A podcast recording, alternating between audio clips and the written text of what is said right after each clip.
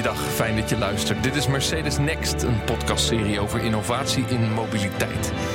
In deze podcast praat ik met Mercedes-Benz over in beweging komen en meegaan met de innovaties.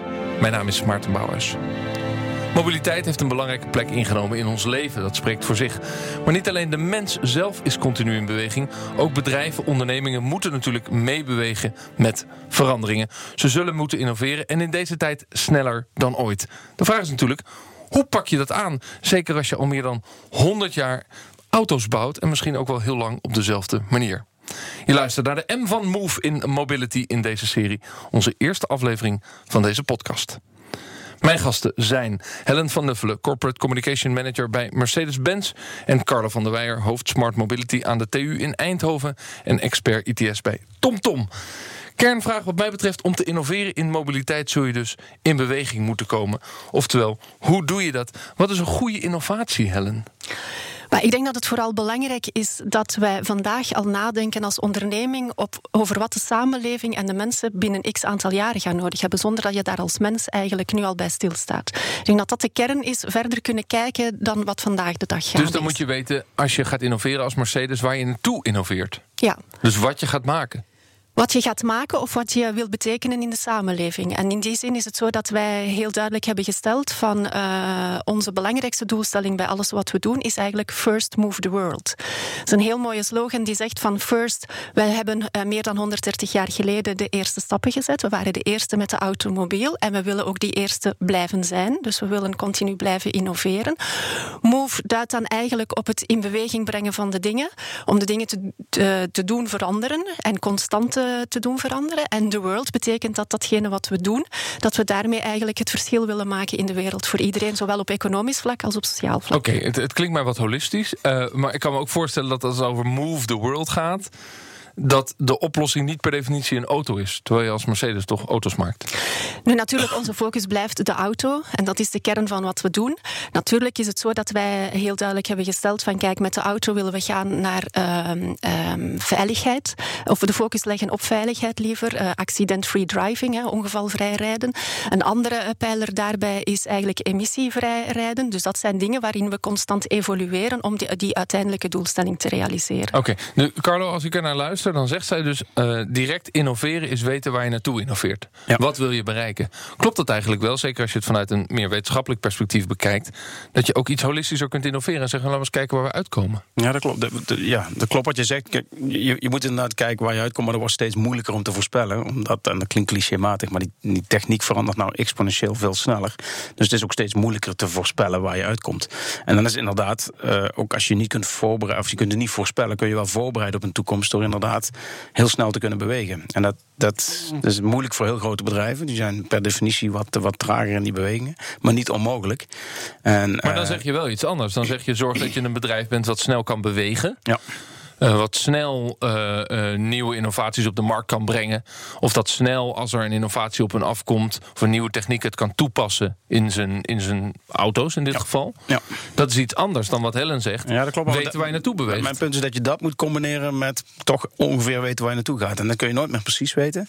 Maar in een heel snel veranderende wereld is het goed om eens te kijken wat er allemaal niet gaat veranderen. Om daarmee te beginnen. Dat is, dat is wel een heel goede houvast. En dan zie je in de mobiliteit zijn er een paar dingen waar je redelijk zeker van kunt zeggen die niet gaan veranderen. Namelijk? En uh, het eerste dat we mobiel blijven. Dat is, blijkt dat dat in de evolutie ergens zo bepaald is dat wij heel graag iets meer dan een, dan een uur per dag onszelf van positie veranderen, laat ik maar zo maar zeggen. Dat, maar dat ergens... helpt, want Helen zegt move the world, dus mensen blijven mobiel. Ja, dat past alvast bij jullie uitgangspunt. Ja, absoluut. En ik, ik wil ook nog even terugkomen op dat veranderen en het voorspellen. Inderdaad, wij zeggen van we willen de auto als centraal uitgangspunt blijven behouden.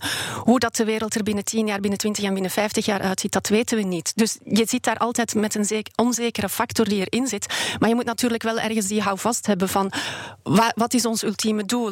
Wat, wat, waar willen we rekening mee houden? Tegen welke criteria willen we bepaalde innovaties afzetten? En dat is die Move the World, dat we eigenlijk een belangrijke rol willen blijven spelen in die mobiliteit van de toekomst en ja. die vorm willen geven. En dan met de auto terug naar de dingen die hetzelfde blijven. Ja. We blijven dus ongeveer een uur per dag bewegen. Ja. Iets meer dan een uur per dag. Dat is eigenlijk al sinds de prehistorie zo. Dat deden we vroeger te voet, toen met een kar, met, met paard ervoor en zo. Dus je ziet eigenlijk het enige wat veranderd is, is de actieradius. Die is overigens merkwaardig constant aan het veranderen op een exponentiële schaal. Als je dat, als je, daar kun je bijna een rechte lijn over trekken, hoe ver wij gaan. Dus als je kijkt, maar, exponentieel recht. Ja, exponentieel recht wil zeggen dat, ik, dat, dat het uh, nogal hard toeneemt. Ja, begrijp ik, uh, mijn, mijn, mijn, opa die zal, heeft zijn beste jaar in de 50 60 jaar gehad. Die had een actieradius van een paar kilometer. Die bracht af en toe zijn goederen naar de veiling en zo. Maar als je nou kijkt waar mijn kinderen al overal geweest zijn over de hele wereld. Mijn opa heeft een paar keer het land eh, verlaten misschien, als al ooit. En hij telde Limburg ook als buitenland. En dat is, maar maar dat, dat, nee, dat is mijn kinderen waar die al over geweest zijn. Nou, dat, en, dat, en als dat dus doorgroeit, dat betekent dat mijn kinderen, die, die, ja, die zijn 2, 4 en 6.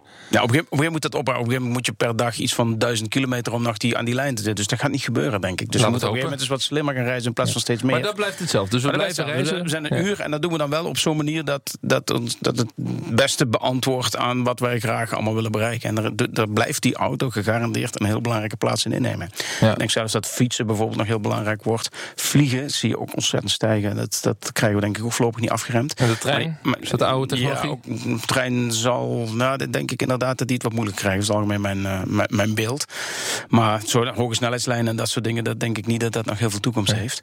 Uh, maar ja, in stedelijke gebieden heb je nog wel hoog intensiteit vervoer nodig. En daar kan die trein nog wel een rol blijven spelen. Maar die auto blijft belangrijk, omdat die voldoet aan een paar heel erg standaard biologische voorwaarden waar wij blij van worden. Ja, dus dat zijn dingen die hetzelfde blijven. Tegelijkertijd gaan de veranderingen heel snel. Dat is natuurlijk de vraag binnen Mercedes.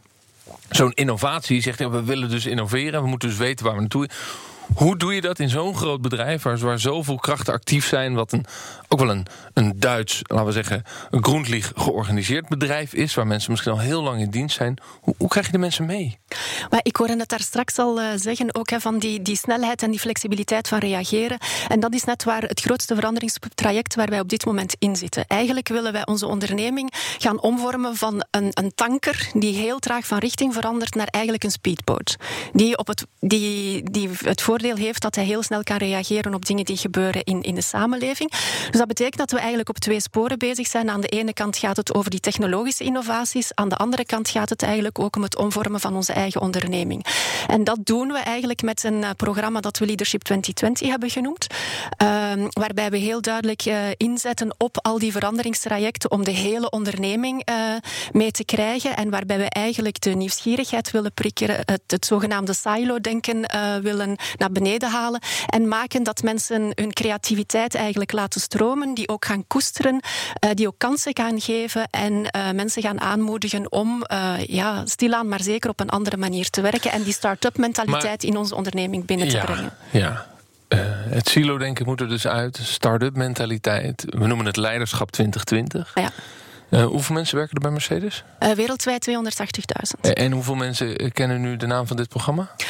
Dit programma loopt al twee jaar, dus dat zijpelt door. Er worden ook heel veel initiatieven genomen om het te doen doorcijpelen. En vooral de kracht van dit programma is dat het eigenlijk uh, gestuurd is van onderuit. Het is natuurlijk het management. Maar het heet op... leiderschap. Het heet leiderschap, want leiderschap is niet uh, gebonden aan hiërarchie.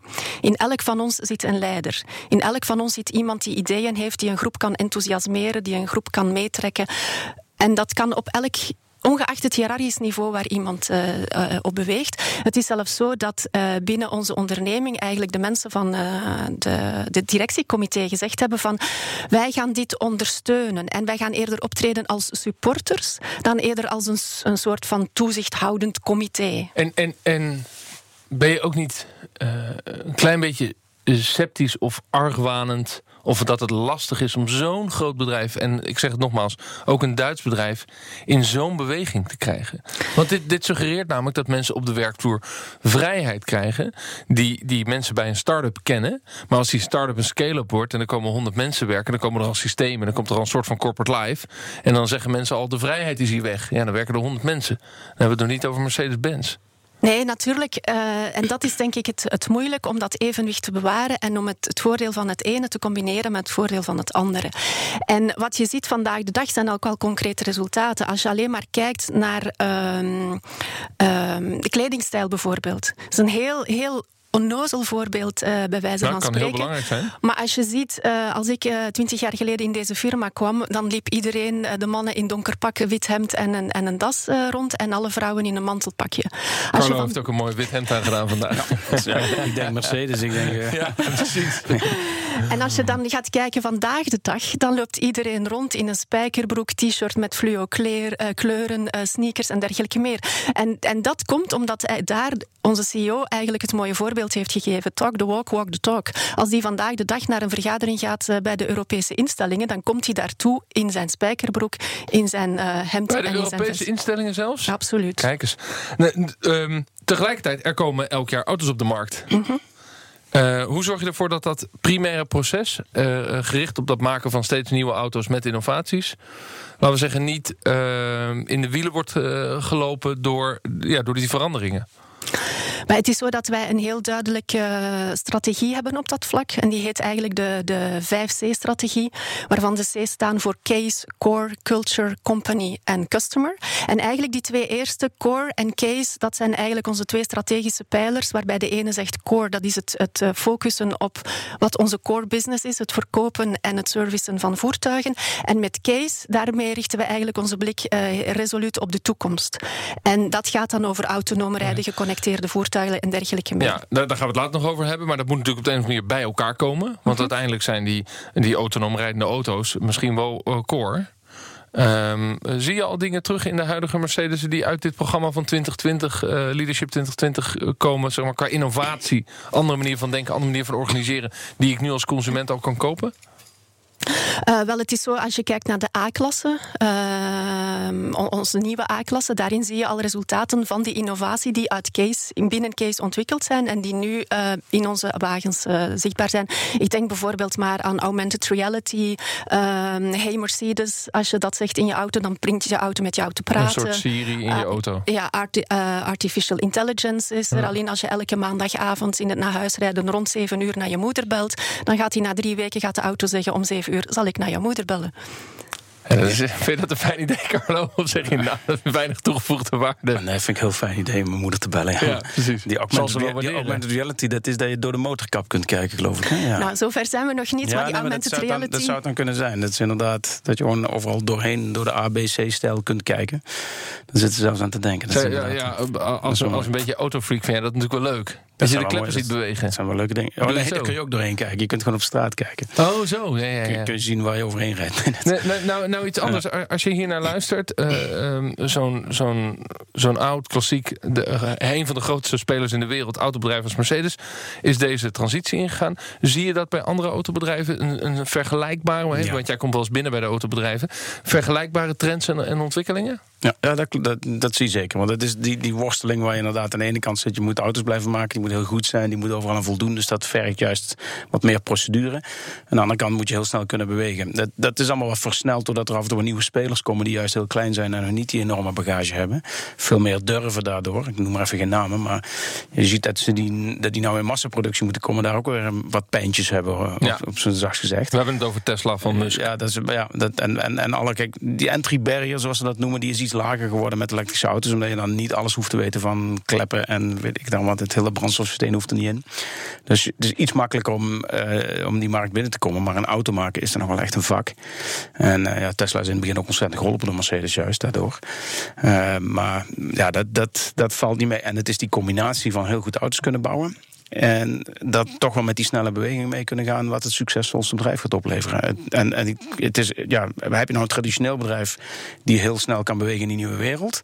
En dat is dus wat, wat Mercedes duidelijk als ambitie hier aangeeft. Of pak je een nieuwkomer die zich moet proberen in te werken in die traditionele wereld? Ik weet niet wat de makkelijkste gang is. Het is allebei niet makkelijk. Ik zou zelf zeggen dat het misschien iets makkelijker is om als je bedrijf inderdaad kunt aantonen om mee te gaan in die, in, in die nieuwe cyberwereld, om dan uh, die gang te maken. Ja. En dus ik, ik vertrouw er ook op wel dat, er, dat, dat er heel mooie modellen komen vanuit de auto-industrie. Ze zijn niet altijd de snelste geweest met innovaties, maar uiteindelijk toch wel de beste. Wat, wat, zijn, wat zijn de grootste valkuilen wat jou betreft in innovaties? Want Helen heeft gezegd, we, we willen de stip op de horizon zetten. We willen weten wat we willen bereiken voor onze consumenten. Waar het naartoe beweegt. Uh, dan kun je dus ook een verkeerde stip zetten. En, en daar uh, miljarden in investeren. Ja, dat is wat, wat vroeger eens was van. Uh, de, we hebben een beslissing genomen en houden aan vast. Dat moet je af en toe op terug kunnen komen. En dat is een valkuil. Dus het klinkt heel stoer om te zeggen: nee, dit is beslist en dan gaan we heel hard achteraan lopen. Maar is, je ziet juist dat. Uh, dat die... Nou, om het concreet te maken, hè, we, we, zijn nu vol aan het investeren in elektrische auto's. Ja. Tesla voorop en de rest rent er hard achteraan. En ze zullen wel moeten. Misschien lopen ze achter de schermen al wel voor. Helen? Ja, ik vind dat een bouwde uitspraak om te zeggen dat we allemaal achter Tesla aanlopen. Maar goed. De, misschien lopen jullie wel voor. Uh, tegelijkertijd is het als de waterstof voor, ja. ja. Als de waterstofauto. Ja. Uh, en je zet ergens een, een stip en je, en je gaat daarvoor. Uh, dan is de valkuil dat je dus achter de verkeerde stip aanrent. Ja, dan moet je dus inderdaad op een gegeven moment kunnen beslissen van... nou, sorry, dat was het niet, we zetten gewoon een grote stap terug... en uh, we gaan de andere kant op. En dat, dat, is heel moeilijk voor sommige bedrijven... die juist traditioneel sterk zijn geworden... door heel hard achter een bepaalde stip aan te lopen. Hoe doen jullie dat? Hoe kijk, durf je na een half miljard investering ergens een punt achter te zetten en zeggen uh, terug, ander pad op? Ja, dat moet je gewoon doen als onderneming. Je weet heb waar, je daar voorbeelden van dat jullie dat hebben laten zien dat je dat kunt als Mercedes? Nu, wij hebben op een bepaald moment, als je niet meegaat met een bepaalde evolutie, met een bepaalde regelgeving, ja, dan word je gestraft. Dus op een bepaald moment moet je zorgen dat je daarin een evenwicht vindt en dat je uh, ja, een antwoord vindt op datgene wat de maatschappij en de regelgever vraagt. En in die zin is het belangrijk om nooit een technologie helemaal, uh, ja, hoe zal ik het zeggen, uh, in de diepvries te steken. Je moet blijven inzetten op een aantal dingen natuurlijk. Maar je moet ook die, die, uh, die flexibiliteit hebben om uh, te kunnen veranderen. En dat is wat er net ook al gezegd is en wat ik ook zei, van die tanker naar die speedboat gaan. En dat is een van de dingen die in dat Leadership 2020-programma bij ons zitten, is van ehm, learn fast and fail fast. Weet je, in, uh, van, in het verleden was het zo dat we zeiden we gaan een nieuwe auto ontwikkelen, een nieuw model. En dat was een proces dat tien jaar duurde. Um, en dan moest die auto ook nog een hele tijd meegaan. Vandaag de dag is het eerder de bedoeling om in, in uh, sprints te werken, heel korte dingen te ontwikkelen, te gaan kijken van wordt dit geaccepteerd, wordt dit niet geaccepteerd, is dit de juiste manier van de weg die we willen inslaan? Zo ja, ja dan gaan we verder. Zo ja, nee, dus dan laten we het vallen. Automobielproducent is een IT-bedrijf geworden. Um, eh, bij een IT-bedrijf duren die sprints twee weken. Als je een nieuwe app op de markt brengt, hoe lang duurt een sprint in een automobielbedrijf? Uh, op dit moment, ik zit niet in de technologie-sector, uh, dus ik heb daar totaal geen idee van. Ik kan me voorstellen, Carlo, dat het langer is. nou, nou, daar heb je ook heel veel kleine sprints. Alleen dat zijn wel eigenlijk onderdeeltjes die dan uiteindelijk naar heel veel van die sprints een auto bouwen. Maar dat gaat wel veel sneller dan het eerst ging, ja. ja. Maar er is wel een heel fundamenteel verschil tussen zo'n uh, zo'n zo Silicon Valley softwarebedrijf die... Ik geloof dat LinkedIn ooit eens een keer, de baas van LinkedIn groep heeft dat... if we come out with a new product and, and it's not too embarrassing dan weer too, uh, too slow, zeggen ze. Dus je moet, je moet, je wel schamen voor wat je uitbrengt, zodat je het heel snel kunt nou ja, fixen. En, en, maar dat kun je met een auto niet doen om die nee. op de weg te zetten van oeps, er zit een grote fout in. En nee, dat is dus heel snel Dus die IT-bedrijven die kunnen ook een app op de markt brengen en dan blijkt het helemaal niks te zijn. En dan gaan consumenten zeggen wat er beter moet en dan gaan ze een nieuwe ja, sprint. Binnen een dag hebben ze een binnen nieuwe. een dag hebben ze een nieuwe app. En dan, kun je met een auto kun je dat niet doen, want dan ben je met, met, met, met mensenlevens aan het, uh, aan het spelen. Dus dat Precies. is wel een heel groot verschil. En dan, dat is eigenlijk waar die cyberwereld, die physical wereld tegenkomt. En je hebt hier over een cyber-physical uh, systeem, dat is een auto. Dat is, en als je die twee niet weet te combineren, dan verlies je. Maar het is niet zo dat je het alleen maar met cyber oplost. Want het blijft, je, je moet uiteindelijk eh, personen van uh, tussen de 60 en 80 kilo of wat dan ook uh, gaan vervaren. En pakketjes en alles rond gaan brengen. Ja. Dus het blijft een fysieke wereld. En dan gaat het iets minder snel dan een volledig uh, cyber systeem. Wat, wat, vind je van de analyse van de NOx en de CO2? Wanneer je zegt, ja, we hadden dus behoorlijk ingezet op die NOx. Maar dan blijkt de politiek meer te vragen om de CO2. Dus ja, dan moeten we eigenlijk terug en dat andere pad meer gaan ja, dat is iets waar je wel mee moet leven. Want als de, als de politiek dat vindt, gaan ze dat stimuleren. En dan verkopen ze op een gegeven moment. Kijk, in Nederland verkocht je op een gegeven moment geen auto meer als er geen 14% bijtelling bij zat en zo. Maar dus dan moet je wel mee leven met dat soort werkelijkheden die geschapen worden. Maar inderdaad, als je hoger doel is om, en dat, dat heeft Mercedes, om inderdaad impliciet duurzame auto's te maken. Ja, dan moet je gewoon alle, allebei de dingen werken. Maar de prioriteiten worden wel gesteld door daar waar je het meest verkoopt. Ja, tot slot over hoe dat innovatieproces dan intern geborgd is en of er draagvlak voor is. Op het moment dat er dan zo'n hele afdeling en een topmanager uh, jarenlang bezig is geweest met bijvoorbeeld die NOx. Ja, dan, dan, dan moet die ook niet worden afgerekend op geld dat is uitgegeven of fouten die worden gemaakt. Want als je mag falen, dan moet je dus ook het vertrouwen hebben dat je mag falen. Ja, uiteraard. Dat, is de dat is de spirit in onze onderneming. Alleen is het ding van doe het veel sneller dan we het vroeger deden. En uh, als iets blijkt dat niet werkt of niet uh, aanvaard wordt of, of niet uh, past binnen de huidige context, dan leer, leer daaruit. En er zijn ook technologieën waarvan je kan zeggen van misschien zijn ze vandaag nog niet rijp voor de samenleving. Kijk, toen wij uh, in twintig jaar geleden de smart op de markt hebben gebracht, heeft iedereen ons uitgelachen. Want iedereen had zoiets van. Zo'n kleine wagen. Terwijl de smart is ondertussen het icoon van de stedelijke mobiliteit. En vandaag de dag heeft elke autoconstructeur een kleine wagen voor de stad. Maar nu is het aardige dat die smart ontwikkeld is in een tijd dat jullie nog niet op deze manier je innovatie hadden georganiseerd. Nee, maar innovatie is altijd een, het zit in het DNA van onze onderneming. Weet je, uh, maar Dat begrijp ik. Eh, Mercedes zegt wij hebben het feitelijk uitgevonden, het autorijden. Zit in het DNA van de onderneming. Tegelijkertijd is het dus wel nodig in deze tijd om innovatie anders te gaan organiseren. Hè? Want daar gaat dit gesprek over. Ja, absoluut. En het is vooral, zoals het ook al eerder gezegd, die flexibiliteit, die snelheid, het inzetten op veel meer aspecten. Vroeger uh, had je een grotere graad, denk ik, van voorspelbaarheid. Waar gaat het naartoe? ik denk dat die voorspelbaarheid vandaag de dag lager is geworden, waardoor je op veel meer paarden moet gaan wedden. Uh, zoals je daar straks ook al zei, ja, wordt het de batterij, worden het waterstof niemand heeft een glazen bol. Diegene die de glazen bol heeft, ja, die is multimiljonair natuurlijk. Hè? Ja, en dus zul je bedrijf flexibel moeten organiseren, zoals ja. uh, Carlo ook zei. Ja. Helene van Nuffelen, corporate communicatiemanager bij Mercedes... en Carlo van der Weijer, hoofd Smart Mobility aan de TU Eindhoven. Dankjewel. In de volgende aflevering van deze podcast-serie Mercedes Next praat ik met mijn gasten over de partners bij het innoveren. Deze aflevering staat al voor je klaar op de site van Mercedes. Mijn naam is Maarten Bouwens. Bedankt voor het luisteren. Dag!